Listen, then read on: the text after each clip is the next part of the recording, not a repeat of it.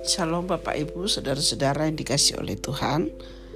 Pagi ini kita kembali akan mendengarkan firman Tuhan yang terambil dari Matius pasal yang ke-26 dan di dalam Matius 26 ini ada beberapa perikop uh, yang berkisar di antara penderitaan Yesus dan ini dimulai dengan pemberitahuan oleh Tuhan Yesus sendiri yang keempat kalinya tentang uh, penderitaannya.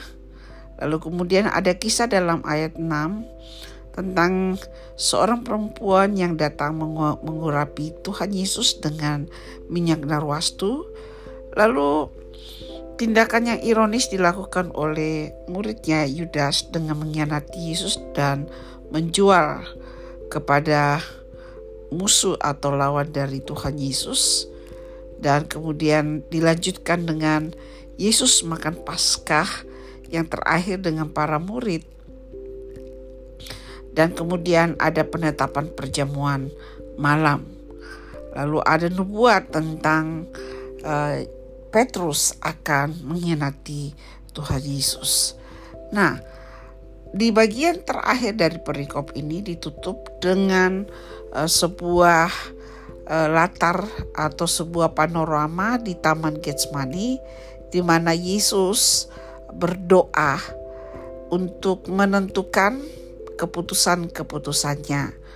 Dan di dalam doa ini Tuhan Yesus uh, sebenarnya sudah meminta kepada para murid untuk berdoa dan dia mendapati bahwa para murid pun sepertinya terbawa dengan semua suasana yang begitu berat dan kita percaya bahwa tentu tiga tahun lebih bersama dengan Tuhan Yesus kehidupan doa para murid bukanlah sama seperti waktu mereka pertama kali bertemu dengan Yesus.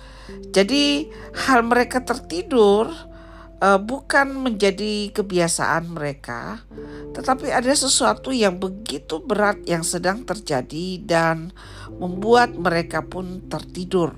Pada waktu Yesus sebenarnya meminta mereka berdoa. Dan di dalam ayat ini Bapak Ibu di dalam Matius pasal 26 ada satu ucapan Yesus yang akan menjadi renungan kita hari ini yang ada di dalam ayat 40 sampai ayat 41 ketika Yesus mendapati para murid itu sedang tertidur padahal dia sudah meminta agar para murid berdoa. Dan waktu dia mendapati mereka Yesus bertanya kepada mereka Tidakkah kamu sanggup berjaga-jaga satu jam dengan aku?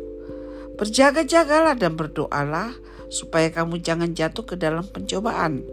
Roh memang penurut tetapi daging lemah.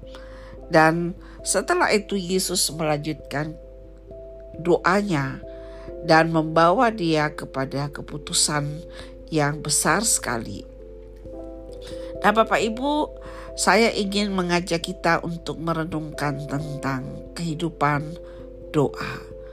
Kehidupan doa Yesus sangat jelas ya bahwa dia berdoa di dalam segala situasi dan bahkan di detik-detik pada waktu dia diperhadapkan kepada keputusan.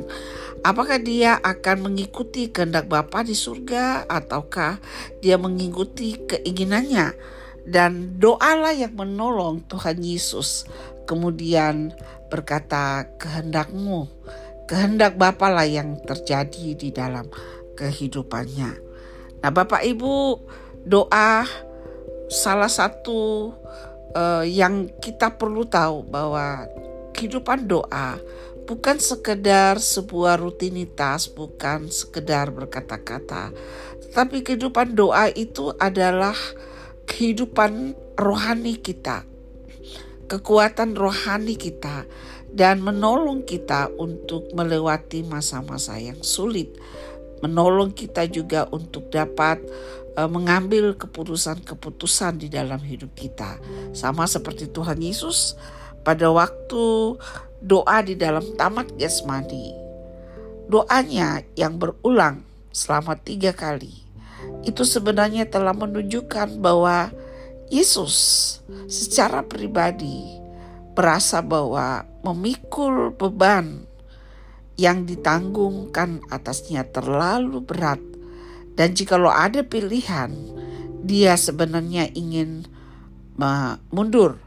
Ya jikalau bukan jikalau jikalau mungkin kiranya cawan ini berlalu daripadaku tetapi melalui doa Yesus tiba kepada sebuah kelanjutan Waktu dia berkata Bapa jikalau mungkin cawan ini lalu padaku. Itu bukan titik tetapi itu masih koma. Tetapi dia melanjutkan biarlah kehendakmu yang jadi dan bukan kehendakku. Kehidupan doa akan menyelaraskan keputusan-keputusan kita, pilihan-pilihan hidup kita dengan kehendak Bapa Surgawi. Dan ini adalah sebuah proses. Jadi sebenarnya kalau kita berkata kita orang Kristen, kita sedang hidup dalam sebuah proses bagaimana kehidupan doa kita akan membentuk kita dan menyelaraskan kita dengan kehendak Bapa Surgawi. Oleh sebab itu, Bapak Ibu pada waktu berdoa, pastikan doamu membawa engkau kepada sebuah sikap batin yang selaras dengan kehendak Tuhan dan mengizinkan Tuhan menyinari kehidupan engkau, keputusan-keputusanmu, sehingga keputusan-keputusan itu didasarkan kepada kehendak Tuhan. Teruslah berdoa dan jangan pernah berhenti. Berdoa di dalam segala musim kehidupan dan mempercayai Tuhan yang kita sembah di dalam nama Tuhan Yesus adalah Allah yang menjawab doa. Apakah yang menjadi pergumulan Bapak Ibu hari ini? Berdoalah. Apa yang menjadi kebutuhan Bapak Ibu hari ini? Naikkan doa-doamu. Dan pada waktu engkau merasa lemah, naikkan doa-doamu. Waktu engkau merasa kuat, naikkan doa-doamu melalui ucapan syukur. Jadi Bapak Ibu, doa itu adalah nafas kehidupan kita sebagai orang percaya.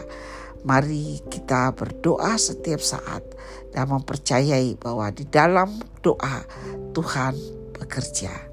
Tuhan memberkati Bapak Ibu, selamat menjalani hari ini. Mari kita berdoa. Bapak terima kasih untuk firmanmu. Dan kiranya Engkau terus akan menolong kami untuk membangun kehidupan doa kami. Salah sehingga kami menjadi selaras dengan kehendakmu. Terima kasih Tuhan di dalam nama Yesus kami berdoa. Amin.